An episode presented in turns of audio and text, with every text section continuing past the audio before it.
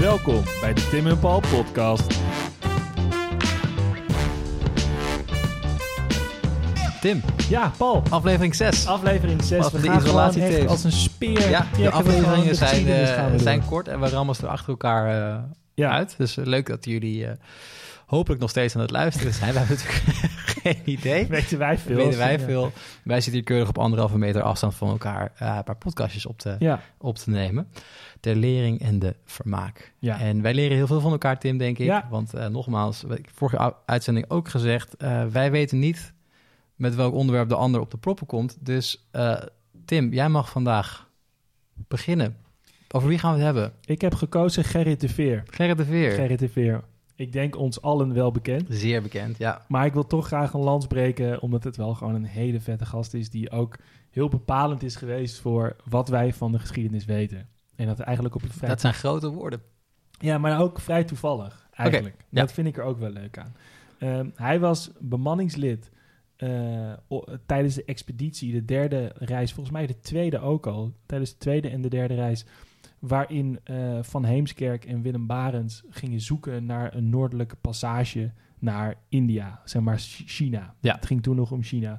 Eh, noordelijke passage boven Rusland. ja, Dat is het idee. dus zeg maar het, het, het bekende verhaal, Nederland was op dat, de republiek was, was op dat moment verwikkeld in de 80-jarige oorlog Ja. tegen de Spanjaarden en de Portugezen. En om die mensen dwars te zitten en om zelf meer geld te verdienen, wilden ze eigenlijk een weg naar, naar Azië vinden om daar in specerijen te gaan handelen. En Want die handel werd op dat moment gedomineerd door de Spanjaarden En de Portugezen, ja. Dus dat was een manier eigenlijk om het mes aan twee kanten te laten snijden. E- Enerzijds zelf meer, ge- meer geld te verdienen, ander, En anderzijds afpakken, ja. precies. Ja. Ehm, maar dat lukte niet. Dat is denk ik even, Oh. even de korte samenvatting Tot van zover. Tim Streefkerk over Gerrit de Veer. Ik neem het weer over. Eh, die noordelijke passage, dat lukte niet. Ze, ze kwamen vast te zitten in het ijs. En het is de bekende overwintering van Nova Zembla geworden. Ehm, met, met drijfhout en stukken van, van dat schip werd er, werd er een soort hutje getimmerd. Waarin ze dan eh, ja, maar wachten tot het beter weer werd. En dat hutje heet, Tim. Het behouden Het huis. is heel neerbuigend over. Ja, nee, maar ja, weet je, het was wel gewoon een soort hutje. Het was, het, het Absoluut, was, het ja. was niet uit wilde dat ze daar een wintertje ging, Gewoon, gingen dit is een goede plek om even te gaan overwinteren. Nee, ja, niet even een wintertje terug, terug naar de natuur zoals we nu zouden doen. Nee. Nee. ehm, en het is, het, is, het is een heel heroïsch verhaal, wat ook weer in de 19e eeuw verder is opgepikt en, en verder verheer, heroïseerd. Is dat een woord? Ik vind het- Verheerlijkt. verheerlijk, maar Ja. ik vind verheroïseerd ook wel eentje om te bewaren. Ja. Ehm, en het is een soort van in de kanon van de Nederlandse geschiedenis Ja, gekomen. iedereen kent het. Het staat symbool voor heel veel. En in de 19e eeuw begon het nog voor veel meer symbool te staan. Ja. Ehm, en op die reis was Gerrit de Veer dus mee. En Gerrit de Veer ehm, was eigenlijk gewoon een, een, lage, een lage officier aan boord van dat schip. Had niet echt een hele, hele in het oog springende functie. Maar we kenden hem omdat hij een verslag heeft, heeft bijgehouden daarvan. En hij heeft beschreven wat ze daar onderweg allemaal meemaakten. En ehm, dat is eigenlijk kort na die reis al gepubliceerd. Ja. In verschillende talen met illustraties. Dat ging Europa door. En het was eigenlijk meteen al wel een bestseller. Omdat Dat is een spannend verhaal ook. tuurlijk, mensen smulden daarvan Ja. om te lezen eh, wat daar gebeurd is op Nova Zembla. En dat verhaal dat gaat dan inderdaad over beren. Is dat, eh, sorry ik onderbreek hoor, maar is dat het, eh, dan een ander verhaal dan zeg maar een officieel kapiteinslog? Hij was daar gewoon op de, in eigen gelegenheid was hij aan het schrijven Precies. over de expeditie. Het, Ja. het, het was geen scheepsjournaal. Nee. In die zin dat de kapitein bijhield. Op die dag was de wind Zoveel kilometer, Precies, zoveel mijl nee, maar ook, ja. ook gewoon, weet je, die, die scheepsjournalen van, van eh, eigenlijk bijna alle schepen zijn heel technisch. Hè? Ja. Daar staat in, eh, de wind kwam uit het oosten. Eh, we, het was zo warm, de, het, was geen wind, het was wel wind. De, de Ja. zon stond aan de, aan de hemel. Zulke technische informatie om Ja, te kunnen het is nuttig als je daarna dezelfde kant op gaat, maar voor de rest... Ja, maar ook gewoon al- als een soort van verslag aan, aan de baas van dat schip, aan, aan de reders, noem eens iets, aan, aan, aan de basis van de admiraliteit, om te kunnen verklaren waarom bepaalde keuzes gemaakt zijn, Ja. bijvoorbeeld. Om ergens te wachten of ergens niet te wachten of er- ergens aan land te gaan omdat dat en dat er aan de hand was. En daar staan verder ehm, in zo'n scheepsjournaal, een officieel scheepsjournaal, staan verder dingen over muiterij, over, ja, over mensen die ziek zijn misschien. Precies, Ja. gewonden aan boord, over mensen die doodgaan. Dat soort technische informatie staat erin.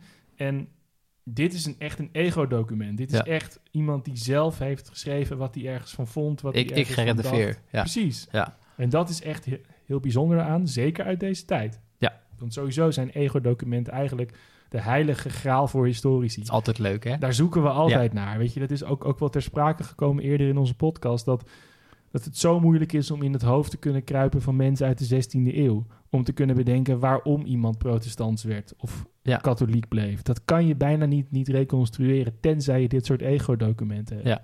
En da- daarom is dit verslag ook zo interessant. Omdat je gewoon echt leest hoe deze meneer dat beleefd heeft op dat moment aan boord van dat schip en later in dat huis. Ja.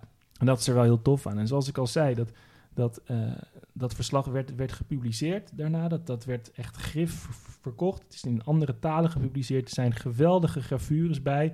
Dat je dus ook ziet dat de ijsberen komen aanvallen. En je ziet hoe, hoe dat hout, houten behouden huis eruit zag met een tonnetje als, Ja, als alsof- schoorsteentje. Ja, Het is, echt, het is echt geweldig. En dat allemaal door deze ene jongen die hier toevallig bij was. En toevallig alles heeft opgeschreven wat hij wat meemaakte. hij, mee- wat hij meemaakt. Ja. Ja. Oké, dan, dan komt hij terug. Is hij bestseller-auteur. Eh, wat gebeurt er daarna met eh, Gerrit? Het is een beetje onduidelijk. We weten volgens mij ook niet zo goed wanneer hij is overleden. Ja, Ehm, Hetzelfde met waar we vorige Ja. keer over hadden met, Met eh. Keno, ja. Het is, ja, ik weet dat niet zo goed. Wat ik wel weet is dat zijn boek, dus zoals ik al eerder een aantal keer zei, is gewoon op dat moment al in het Duits vertaald, in het Frans vertaald. En het ging gewoon de wereld over. En het was ook in andere landen echt een soort van ding van wow, Ja. deze gasten hebben Ja, want we weten van... Kijk, Barends komt natuurlijk niet terug. Ehm, dat is het hele epische van dit, van dit verhaal ja. natuurlijk. Eh, maar Van Heemskerk wordt echt een grote man binnen, Ja. de, binnen de vroeg 17e eeuwse geschiedenis Ja. natuurlijk. Omdat die, Die, gaat, wordt, ja, die wordt marineofficier later. die gaat naar. Indonesië toe en Ja. die sneuvelt uiteindelijk eh, in dienst van, van de admiraliteit eh, bij Gibraltar. Ja, Ligt begraven in de oude kerk in, in ja Amsterdam. waarschijnlijk. Ja. Ja, ja, ja, De zeker. nieuwe was er nog niet. Dus dat, Nee, die is te nieuw. Nee, die was er toen ook al. Maar de van Gerrit, die blijft dan gewoon maar een soort one-hit wonder. Ja, voor, voor zover ik weet. En als er iemand nu zit te luisteren die eh, hier meer over weet en ons kan Ja. verlichten op dit vlak. Ik kan me ook wel voorstellen als je denkt, nou oké, ik heb die winter gehad. Dat je even iets anders gaat Eh, doen. ik heb lekker met eh 17 of 18 andere mannen een bijna doodservaring gehad. Eh, ijsberen hebben me aangevallen. Het is s'nachts Ja. min 40. Er is koolmonoxidevergiftiging hier. En we moeten, en Het is wel even goed. we ja. moeten over de welbe, welbekende colazee terugvaren. Ja, Ehm, is mooi geweest. ja. Weet je wel, ik druk mijn snor, ik ben klaar. mazzel. Ja. Ja. ja, Het is nog wel misschien leuk om te zeggen dat eh, Robert de Hoog een hele overtuigende Gerrit de Veer heeft, heeft neergezet in, in het epos Nova Zembla. Ja. Die film. Mijn, mijn favoriete historische Ja, film ooit. ja. Vooral door Doutzen Cruise op de schommel. Dat, Drie- met 3D-bril op. ja, Ja, dat blijft toch wel gewoon echt epic. Maar het is wel gewoon een vette film. En dat laat ook wel ehm, misschien een beetje aangedikt hè, met die vechtpartijen, met die ijsberen. En die ijsbeer die door dat eh, tonnetje het behouden Ja. huis inkomt. Maar ja, ook toen werd er zo naar dat verhaal gekeken. Nee, dat is natuurlijk. Ja, volgens mij is. we hebben het daar eh, in een ander project dat we gedaan hebben met Lotte Jensen over, Ja. over gesproken.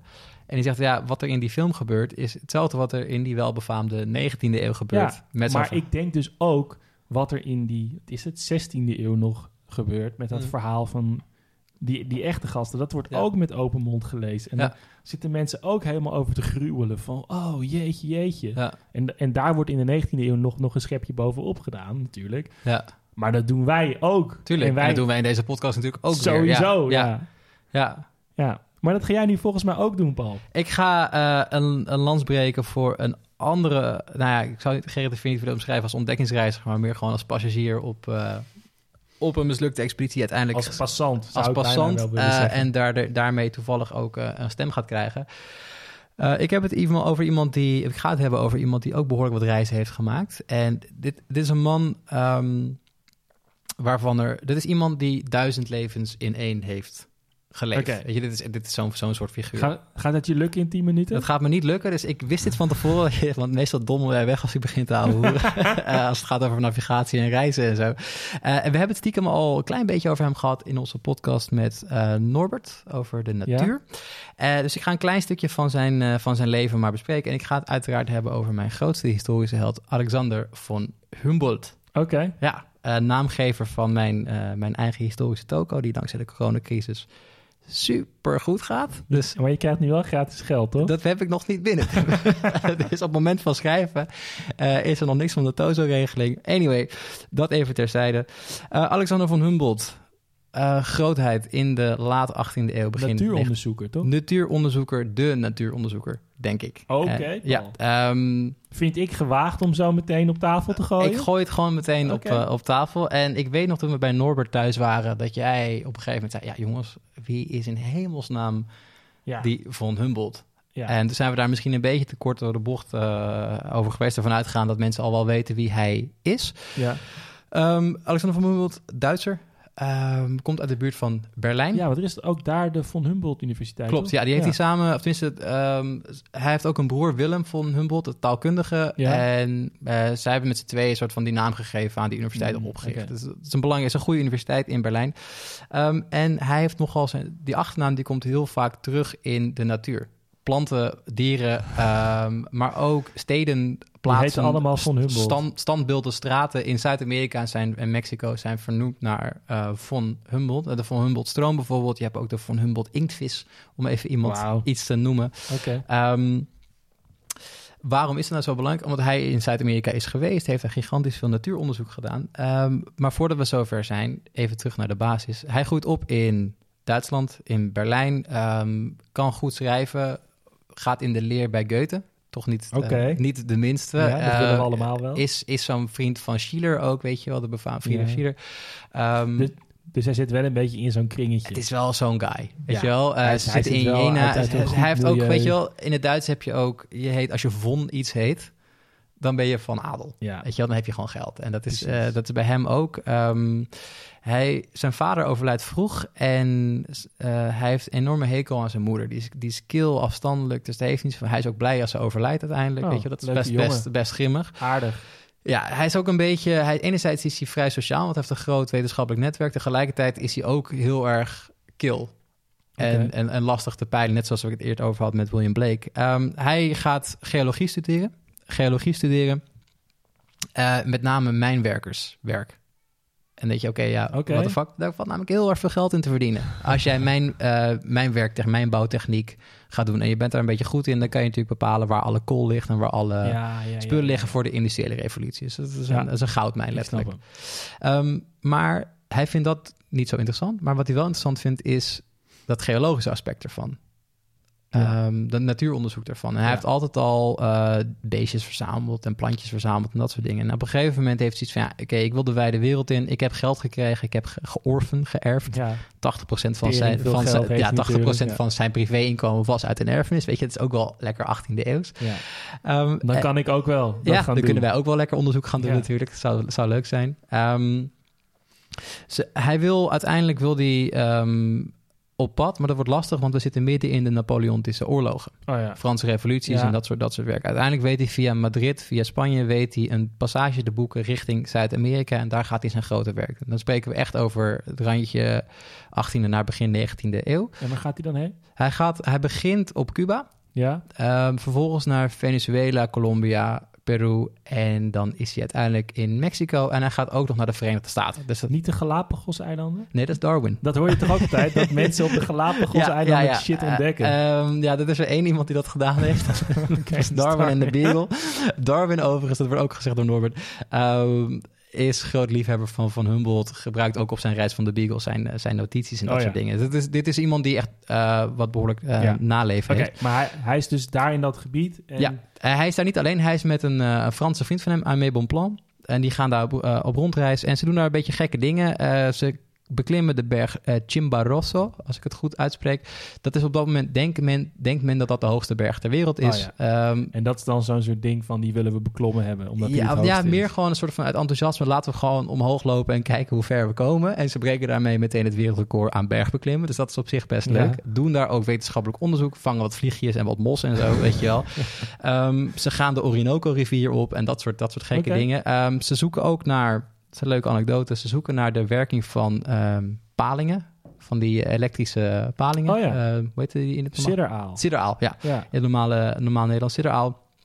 Nou, hoe doe je dat? Je pakt een, een bende wilde paarden, die jaag je in een meer waar je weet dat die sidderalen daar zitten. En je wacht gewoon tot die beesten wakker worden en de boel onder stroom gaan zetten. Dus hij was ook onder... onder- Wat? Ja. Dat die paarden onder stroom komen te Ja, staan. precies. Dus dan ga je kijken, oh, hoeveel wattage komt eigenlijk zo, uit zo'n sidderaal, weet je wel? Dit is, dit is natuuronderzoek in de 19e eeuw, hè? Dus Ja. daar moet even eh, een kleine kanttekening bij plaatsen.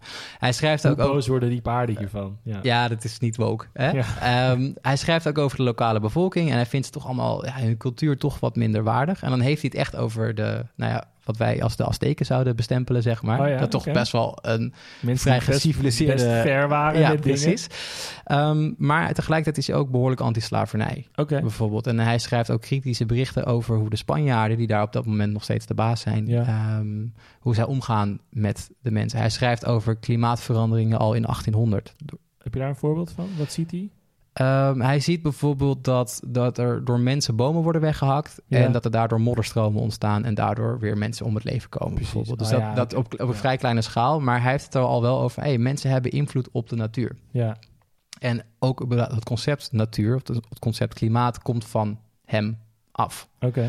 Eh, daar meer over in die podcast met Norbert. Maar goed, hij gaat weer verder. Hij komt uiteindelijk in de Verenigde Staten terecht. Ehm, Thomas Jefferson, niet de minste, Ja. noemt hem eh, het grootste genie wat hij ooit heeft ontmoet. Oké. De grootste wetenschapper die hij ooit is, eh, is tegengekomen. Om even in contrast te plaatsen met Napoleon. Napoleon zegt tegen hem... Goh, botanie, dat doet mijn vrouw ook. dus dat is, nou ja, dan heb je het verschil tussen Ja. Napoleon en, eh, en Jefferson. Eh, zegt ook tegen Jefferson van... Ja, joh, leuk en aardig, maar jij hebt hier ook gewoon slaven. Ja. Dat is niet Doe cool. niet zo doe, doe, doe, ja. ja. doe niet zo raar. Ehm, is ook vrienden met Joseph Banks, de eerste president van de eh, Royal Society in, in Londen. Ze heeft een gigantisch groot netwerk. En hij wordt uiteindelijk wordt hij 90 jaar. En hij is 90 jaar lang, pak een beetje 70 jaar lang van die 90, is hij een hele relevante wetenschapper. Ja.